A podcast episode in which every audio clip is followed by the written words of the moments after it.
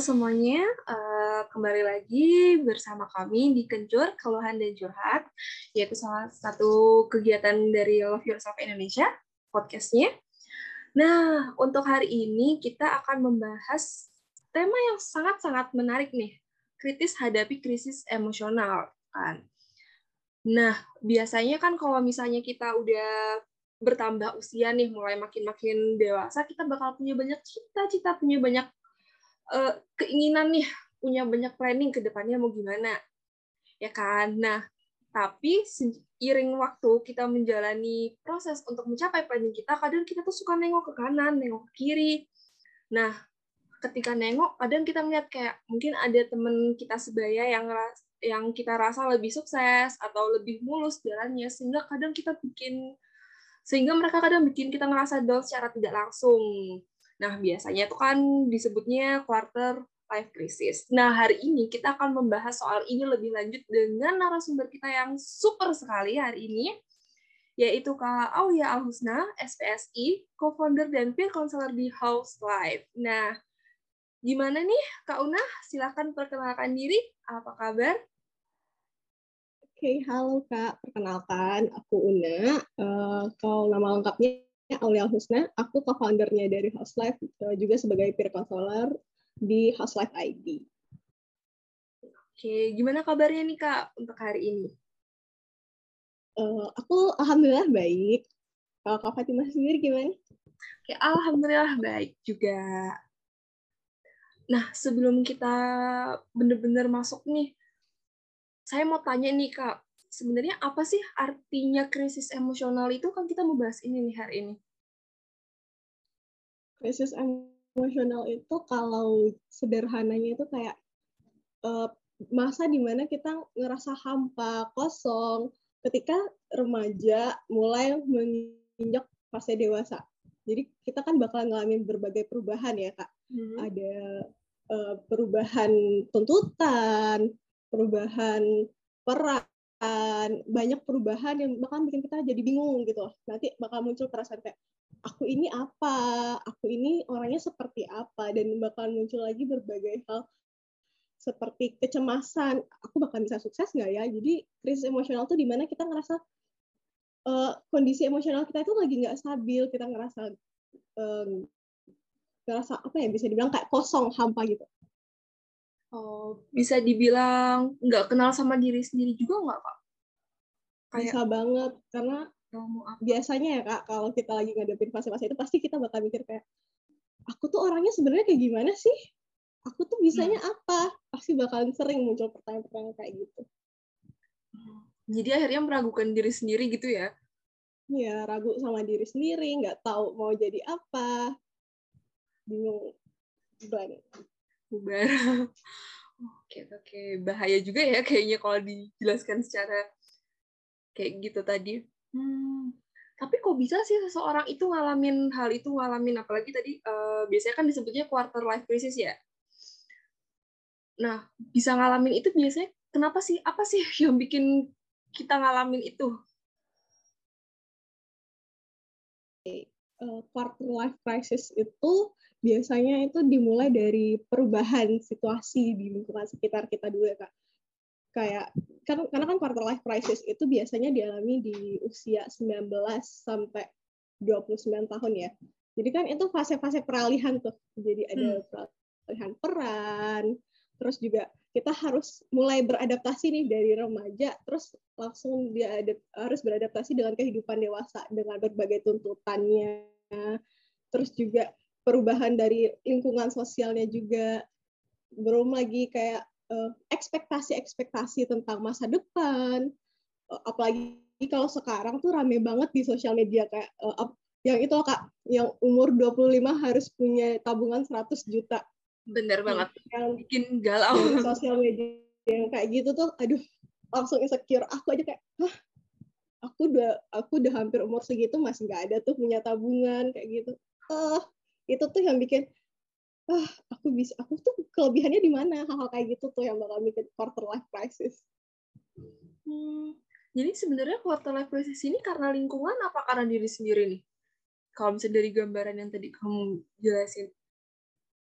Dua-duanya sih dari diri sendiri dari kita yang masih nggak tahu sama diri kita masih meragukan akunya seperti apa terus diperkuat juga dengan uh, exposure dari lingkungan sekitar kayak tuntutan tuntutan orang tua ekspektasi orang tua dan sosial media jadi harus pandailah memanage manage diri gitu Oke, omongan tetangga kayaknya juga bisa ya. Gajinya berapa? Kerja di mana? Jurusannya apa? Nah. Itu nanti kerjanya di mana? Aduh. Oke, oke. Jadi bisa dari mana aja ya sebenarnya? Dari mana aja. Oh, gitu. Tadi sempat disebutin usianya 19 sampai 29 tahun ya? Iya berarti kayak masa-masa baru masuk ke usia dewasa nih. Hmm. Makanya tadi kamu bilang juga peralihan ya, Kak? Iya, Kak, peralihan. Oke. Berarti kalau misalnya sudah di usia 29 itu udah nggak ngerasain itu atau uh, mungkin udah beda lagi nih sebenarnya? mungkin di, karena ini quarter life crisis ya istilahnya quarter life crisis atau krisis separuh hidup gitu kan ya. Jadi kita asumsikanlah kehidupan itu 100 tahun, biasanya tuh puncak-puncaknya ya di usia 25. Apalagi itu kan masa-masa produktif kita ya Kak. Oh, hmm. Baru-baru dewasa awal itu benar-benar masa produktif. Jadi kalau kenapa ahli itu pada bilang rata-rata usianya segitu karena ya itu kayak kita lagi di fase lagi di puncak-puncaknya pengen bereksplorasi dengan tuntutannya perubahan tuntutannya makanya di situ tapi kalau mungkin setelah itu kita merasakan lain mungkin bisa dibilang itu istilah krisisnya yang lain lagi gitu loh tapi tetap aja kan selama kita hidup tuh pasti bakal ada tantangan-tantangan yang kita hadapin Oke, gitu. Jadi berdasarkan dari ahli ya yang mengasumsikan dari 100 tahun nih. Hmm. Jadi ada dapat gambaran. Soalnya kan kadang uh, kita baca quarter life crisis usia 25 tahun. Kenapa 25 tahun gitu kan? Oke, okay, Satu jadi saya jadi dapat gambaran nih dari mana istilahnya. Nah, sebenarnya kalau misalnya kayak quarter life crisis ini dialamin semua orang nggak sih? Atau cuma orang-orang tertentu aja yang ngalamin ini? Nah, ini tuh dulu sempat jadi pembahasan aku juga tuh sama teman-teman, sama psikolog kita juga jadi sebenarnya kita agak bingung, kenapa sih kok hampir kalau sekarang tuh semua orang bilang quarter life crisis. Akhirnya kita diskusi uh, sama psikolog juga, uh, kita coba riset juga, ternyata ada loh kak orang-orang yang nggak ngalamin quarter life crisis. Jadi nggak semua orang. Dan itu balik lagi bagaimana kita bisa mengelola emosi kita gitu loh. Oke, berarti saya masuk di kebanyakan orang yang sempat mengalami quarter life crisis. Aduh. Aduh, aduh. Kayak gimana tuh, Kak? kenapa, kenapa? Kayak gimana tuh kalau yang kakak alami? Uh, biasa ya, kalau misalnya kadang kita udah lulus, terus lihat temen yang udah bisa dapat tempat kerja, udah nikah, udah segala macem. Wah, muncul nih pikiran yang segala macem. Aduh, relatable. oh, jadi ternyata nggak semua orang ya, tapi saya masuk ke kebanyakan berarti nih. Aku juga orang kebanyakan sih. Oke. Berarti salut sama yang nggak mengalami ya. Berarti manajemen emosinya bagus banget tuh. Mungkin juga mereka uh, punya resiliensi yang bagus juga kali ya kak ya resiliensinya. Hmm. Benar-benar. Jadi, Jadi mereka lebih kuat tahan. Hmm. Oke oke oke. Oke. Nah kalau misalnya nih kita ngalamin nih quarter life crisis, terus kita biarin aja nggak kita apa-apain itu bakalan jadinya kayak gimana tuh efeknya ke kita uh, sebenarnya apa pun masalah uh, di diri kita ya kak hmm. kondisi kita kesehatan mental ataupun kesehatan fisik kalau kita udah ngerasa nggak nyaman dibiarin justru bakal makin parah kan ah, bener banget jadi kalau namanya juga quarter life crisis uh, udah ngerasa bingung, udah ngerasa hampa, dibiarin malah makin stres. Justru malah bakal menghambat kita untuk makin berkembang, untuk berkembang gitu. Malah kalau dibiarin kayak sekarang aku lagi ngerasa cemas, aku bakal bisa sukses nggak kalau aku cuma stuck di sana aku nggak berusaha keluar ya aku juga sampai kapan pun ya aku nggak bakal sukses ya. Aku bakal duduk-duduk aja ngelamun mikirin aku tuh bisanya apa? Tanpa ada usaha. Nanti efeknya kalau lebih parahnya lagi tuh malah bakal nyampe ke gangguan kesehatan mental lainnya gitu bahkan bisa berujung depresi kadang bahaya juga ya kalau misalnya bisa sampai berujung ke gangguan kesehatan mental yang lain nih, apalagi sampai depresi. Berarti mungkin banyak ya sebenarnya kasus-kasus yang tidak terselesaikan dan akhirnya nyampe ke gangguan kesehatan. Iya. Kalau kasusnya nggak terselesaikan atau kita kayak kondisinya tuh udah parah, sebenarnya tuh udah bukan quarter life crisis lagi tapi kayak udahlah kan quarter life crisis tuh normal. Ya nggak nggak ada usaha buat berubah ya. Kondisinya malah kita yang sebenarnya udah ada masalah lainnya malah makin memperburuk gitu. Jadi yang penting aware sih dengan diri sendiri. Sampai mana kita harus mencari bantuan gitu. Oke jadi benar-benar harus tahu kemampuan kita ya kapan buat cari bantuan gitu. Oke Terus tadi juga sempat Kak Una menyebutkan hal yang wajar. Berarti ini wajar ya dialami meskipun semua nggak mengalami hal ini? Bisa dibilang wajar sih Kak. Karena hampir semua orang meras mengalami dan itu tuh bisa dibilang kayak tantangan kamu untuk hidup. Tantangan kamu ketika menjadi dewasa.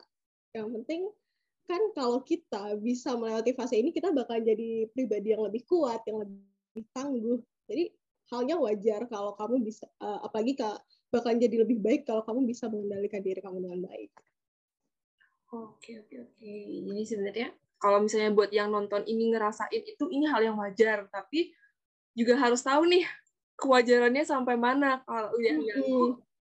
Wah, berarti udah harus tanda tanya nih, harus cari bantuan. Iya kita udah banyak bahas nih soal quarter life crisis, tapi kita belum bahas deh sebenarnya ciri-ciri orang yang ngalamin tuh kayak gimana sih? Mereka yang seperti apa yang bisa dikatakan sebagai orang yang mengalami quarter life crisis? Atau mungkin malah sebenarnya cuman khawatir yang biasa, tapi beda sama quarter life crisis atau gimana gitu? Apalah ciri-cirinya supaya kita bisa tahu nih yang ada di quarter life crisis itu yang seperti apa? Oke, jadi kalau quarter life crisis itu kan uh, masalahnya banyak ya kayak di masalah uh, dari peralihan dari remaja ke dewasa itu kan banyak. Ada yang kayak masalah kalau rata-rata itu kalau mahasiswa atau fresh graduate itu kayak uh, mimpi dan harapan gitu kayak aku nanti ke depannya jadi apa? Terus uh, harapannya aku mau seperti apa? Terus juga ada hubungan dengan hubungan lingkungan sosial ya pertemanan pasangan, tuntutan keluarga untuk segera menikah, jenjang karir yang kayak gitu kan. Nah, masalah-masalah kayak gitu tuh kalau orang yang udah mengalami yang sedang mengalami quarter life crisis itu uh, bakalan merasa bimbang karena kan quarter life crisis itu kita bahkan uh, punya ada perasaan bimbang kosong gitu ya. Hmm. Jadi orang quarter life uh, seseorang yang mengalami quarter life crisis itu bimbang gitu kalau udah dewasa uh, dia itu maunya ke mana? Dia mau hidup mau jadi seperti apa gitu.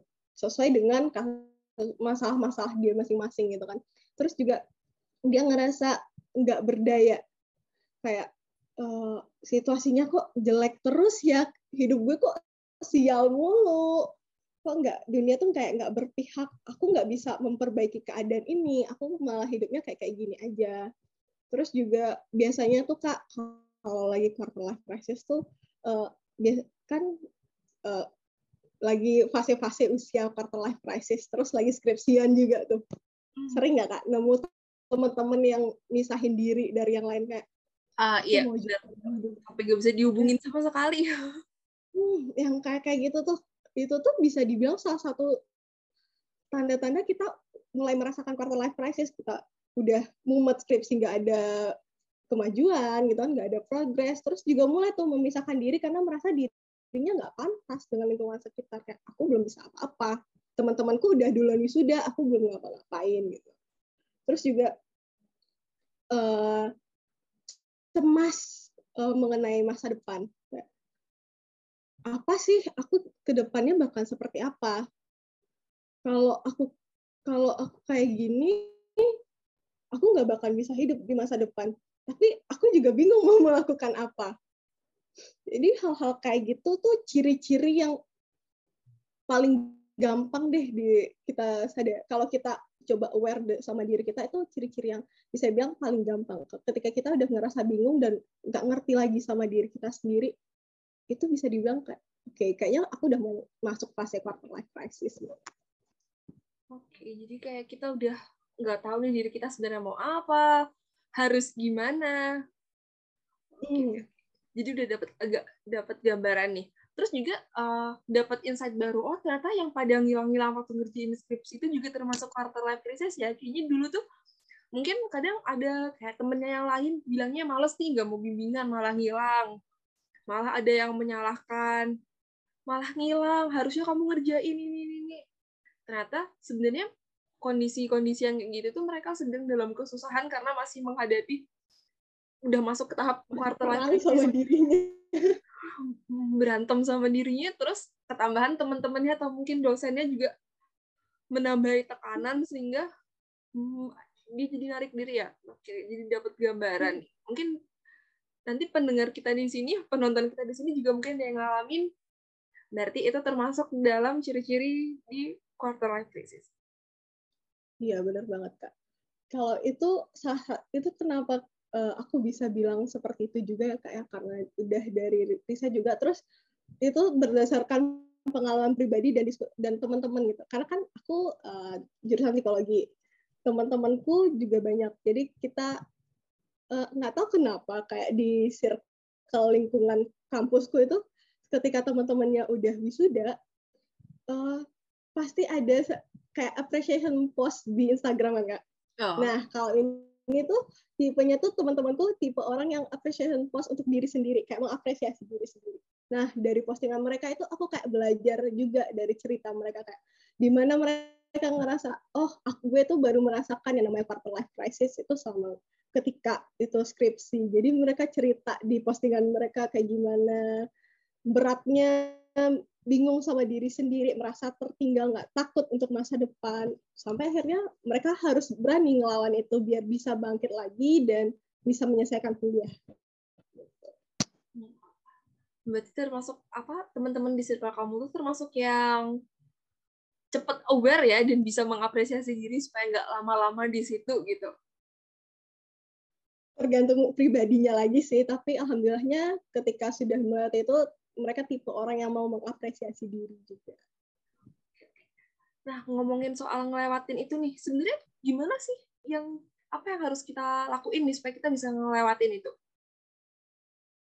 Sebenarnya yang paling pertama itu buat ngelewatin adalah kita harus sadar ya kak. Harus aware dulu dengan kondisi diri kita.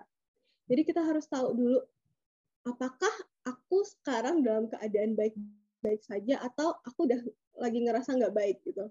Terus juga kita harus uh, nyari tahu dulu nih apa sih yang jadi masalah di kita, apa sih masalah yang membebani kita gitu.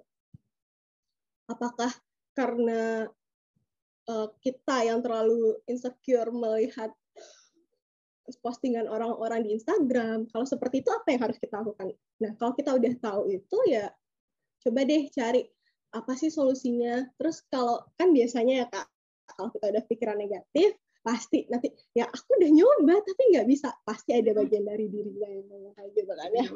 Nah, kalau kayak gitu berarti kita juga harus nyatet lagi tuh. Oke, okay, aku udah pernah nyoba ini tapi ini nggak efektif. Kenapa juga gitu. Nah, hmm ketika kita kayak gitu kan butuh energi yang banyak. Jangan lupa juga untuk berusaha mencari support system. Kita harus jujur sama diri sendiri kalau kita lagi butuh bantuan orang lain. Jadi cobalah untuk mencari support system.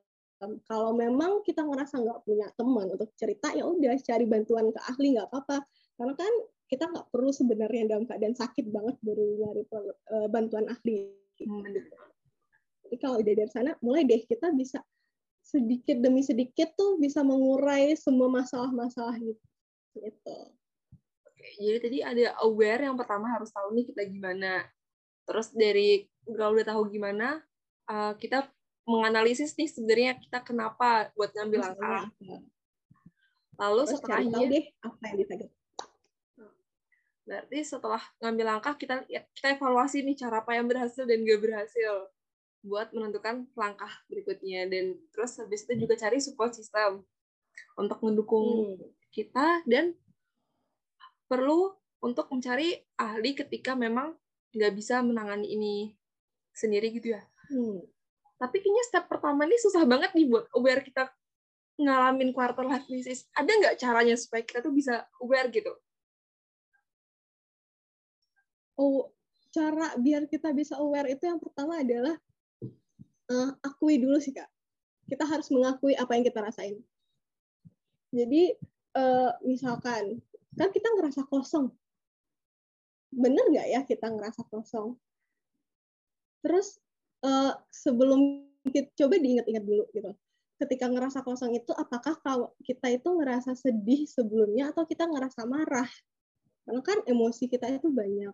Jadi yang paling pertama itu biar kita aware adalah akui dulu apa yang kita rasain. Karena biasanya kita ngerasa kosong itu karena kita menolak juga emosi-emosi yang pernah ada, yang udah kita rasain kita tahu nggak aku nggak sedih, aku nggak kesel, aku nggak marah, aku nggak kecewa. Jadi akhirnya tapi aku nggak ngerasain apa-apa.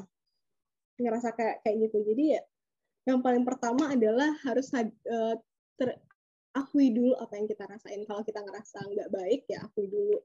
Terus juga um, aware itu kan artinya kita peduli uh, apa ya peduli dan berusaha lebih tahu gitu kan ya hmm. Uh, mungkin bisa dirasain dengan kehidupan sehari-hari. Biasanya sebelumnya aku tipe orang yang seperti apa? Aku orangnya lebih aktif berteman uh, terus sekarang ketika aku lagi ngerasa nggak nyaman nggak uh, ini aku udah dua minggu lebih aku nggak mau ketemu sama orang nggak berinteraksi sama orang.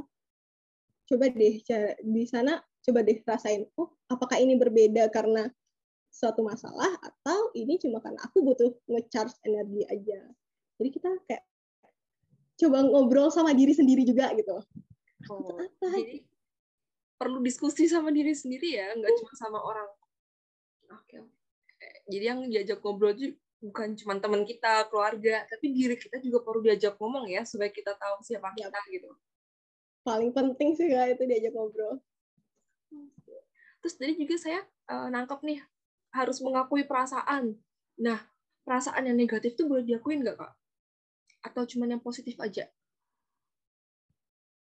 Wajib, bukan, bukan wajib sih, tapi perlu gitu. Apa pun emosi yang kita rasakan itu perlu diakui kan. Kalau kata Cita tuh life is never flat ya kak.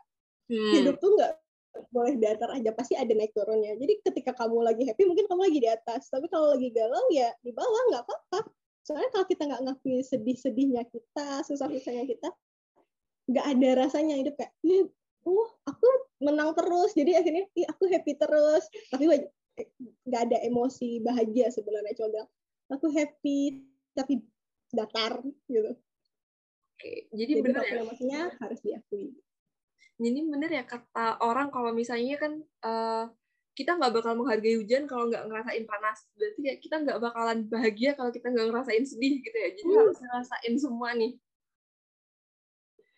Kita kan nggak tahu arti bahagia kalau kita nggak tahu arti sedih. Oke, oke, oke, benar. Jadi buat semua yang nonton hari ini, perlu mengakui semua perasaan atau emosi yang uh, dirasakan, baik mau emosi yang positif atau yang negatif gitu ya, menurut kita semua. Gitu. Iya. Nah, Kak, saya juga pernah dengar nih soal life crisis. Nah, ini sebenarnya sama atau beda sih sama quarter life crisis? Midlife crisis, crisis sama quarter life crisis ya, Kak? Hmm, kan quarter itu seperempat. Kalau mid berarti tengah ya.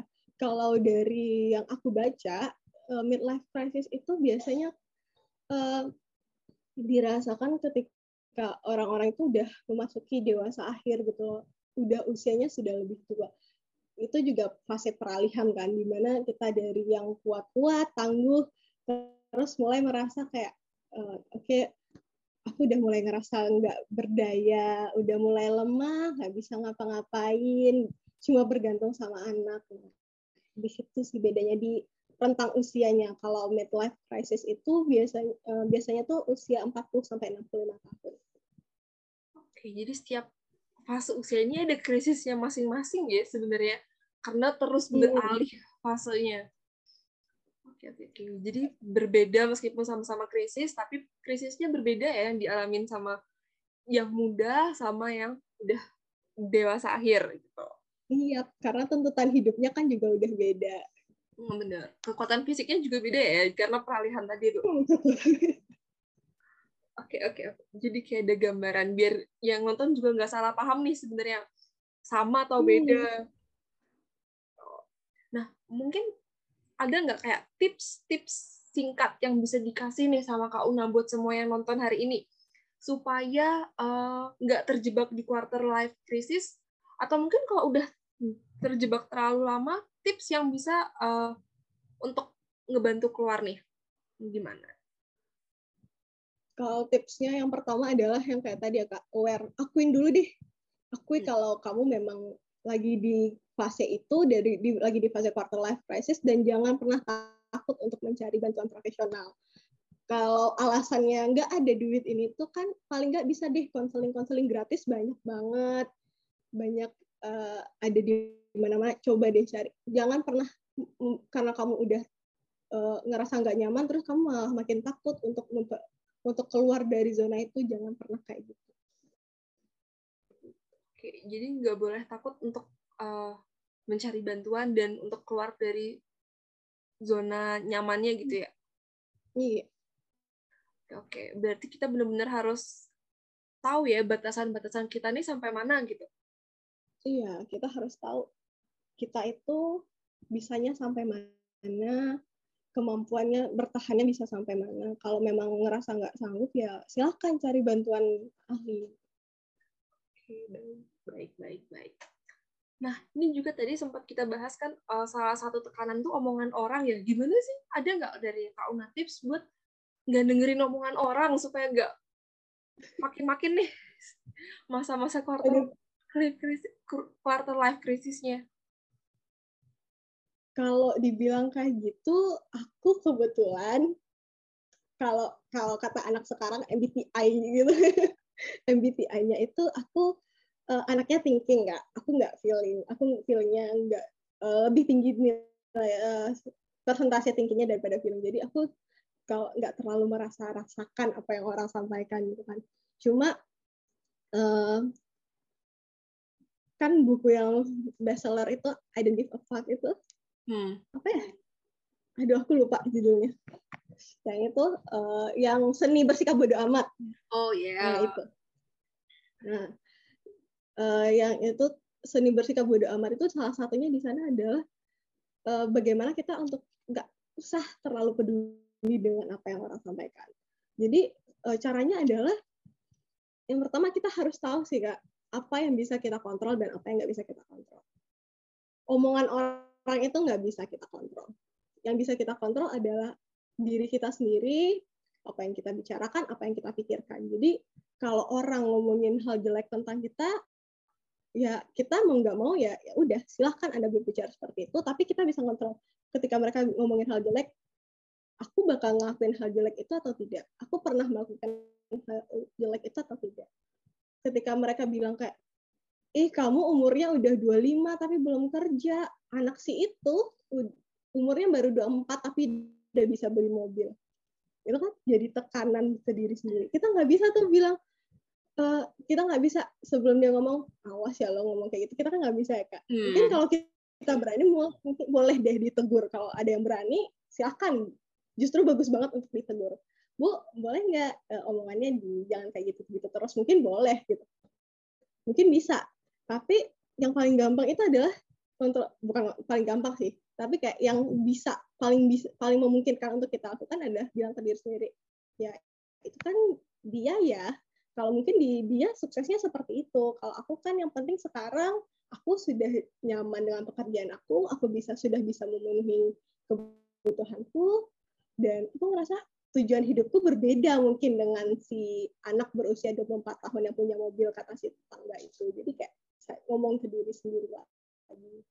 Kalau aku punya standar yang berbeda dengan mereka juga. Aku nggak bakal ngontrol dia, aku bakal lebih ngontrol diriku sendiri. Gitu. Oke, jadi bisa dibilang menghargai apa yang udah dicapai ya sebenarnya. Jadi nggak dibandingin sama orang lain atau omongan orang lain. Apresiasi diri, sayangi diri sendiri. Oke, benar. Love yourself. Love yourself. Oke, nah hari ini kayak udah banyak banget deh informasi yang dan ilmu yang kita dapat nih dari Kak Una.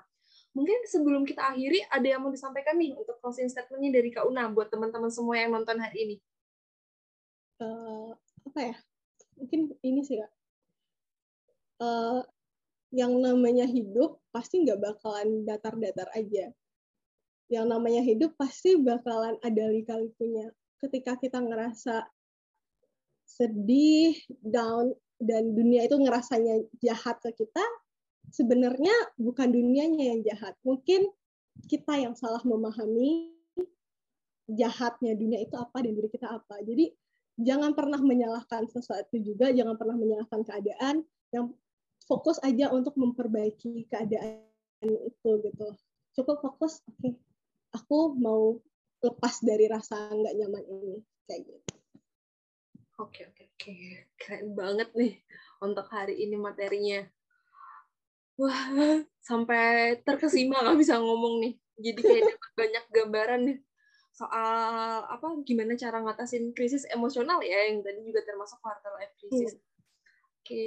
oh Oke, kalau gitu untuk uh, semua yang nonton, terima kasih juga. Terima kasih juga untuk Kak Una yang udah memberikan ilmu yang sangat luar biasa hari ini. Sampai jumpa. Terima kasih juga Kak Una. Ah, di lain waktu. Mungkin kita bisa bertemu di lain waktu. Dan sampai jumpa semua untuk yang nonton hari ini. Sampai jumpa di podcast berikutnya. Dadah. Thank you, Kak.